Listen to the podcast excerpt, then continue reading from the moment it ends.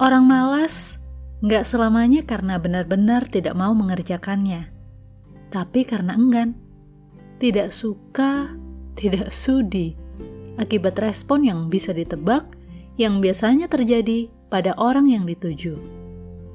Nggak selamanya penolakan itu menyakitkan. Jika memang berhalangan akibat ketidaksesuaian jadwal, sungguh bisa dimaklumi.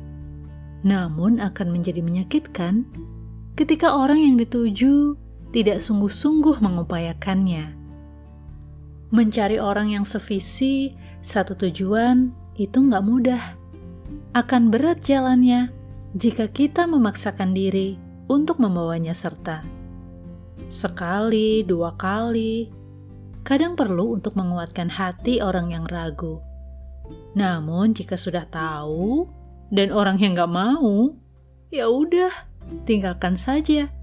Ketimbang menjadi beban yang tak perlu.